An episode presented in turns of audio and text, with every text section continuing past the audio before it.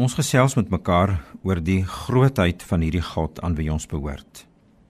Wat hy vir ons 'n realiteit kom maak het in Christus, wat dit is wat ons kan geniet, wat ons lewe elke dag sinvol en mooi en die moeite werd kan maak. Nou, een van die belangrikste waarhede vir my is dat die Bybel sê die Heilige Gees tree vir ons in.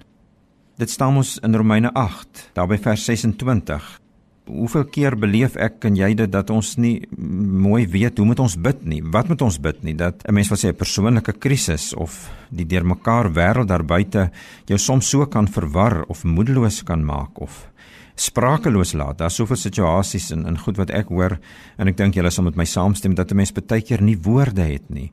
En wat nog te sê as jy sprakeloos is en nie woorde het nie, jy weet nie eens wat om oor te sê nie. Hoe bid 'n mens dan nou nog hieroor? En dan hierdie wonderlike troos dat die skrif sê die Heilige Gees tree vir ons in met onuitspreeklike versigtings.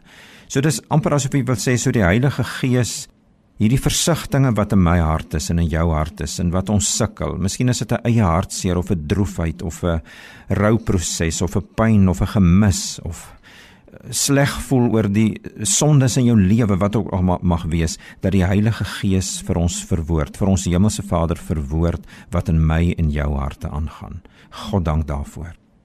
Maar weet julle die Bybel sê meer as dit ook. Daar's ook skrifte wat sê Jesus tree ook vir ons in.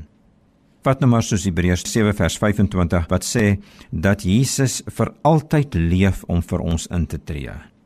Dit staan ook in Romeine 8 vers 34 dat hy vir ons pleit Ek en jy het nie net die Heilige Gees wat vir ons intree nie. Die Bybel sê Jesus tree ook vir ons in en hy pleit ook vir ons. Wat 'n troos. So dikwels as ek dalk voel ek as alleen, ander mense weet nie eers van my pyn en my bekommernisse en my smart nie.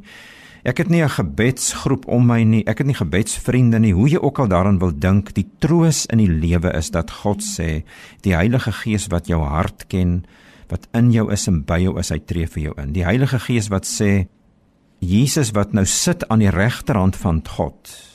Die woord wat vir ons kom sê, hierdie Jesus tree vir ons in. Hy pleit vir ons oomblik vir oomblik. Jou saak kan nie beter gestel word nie. Jy kan nie 'n beter voorbidder kry nie. Die Heilige Gees tree vir jou in en Jesus tree vir jou in. Vader, dankie vir die Gees en vir Jesus wat vir my intree.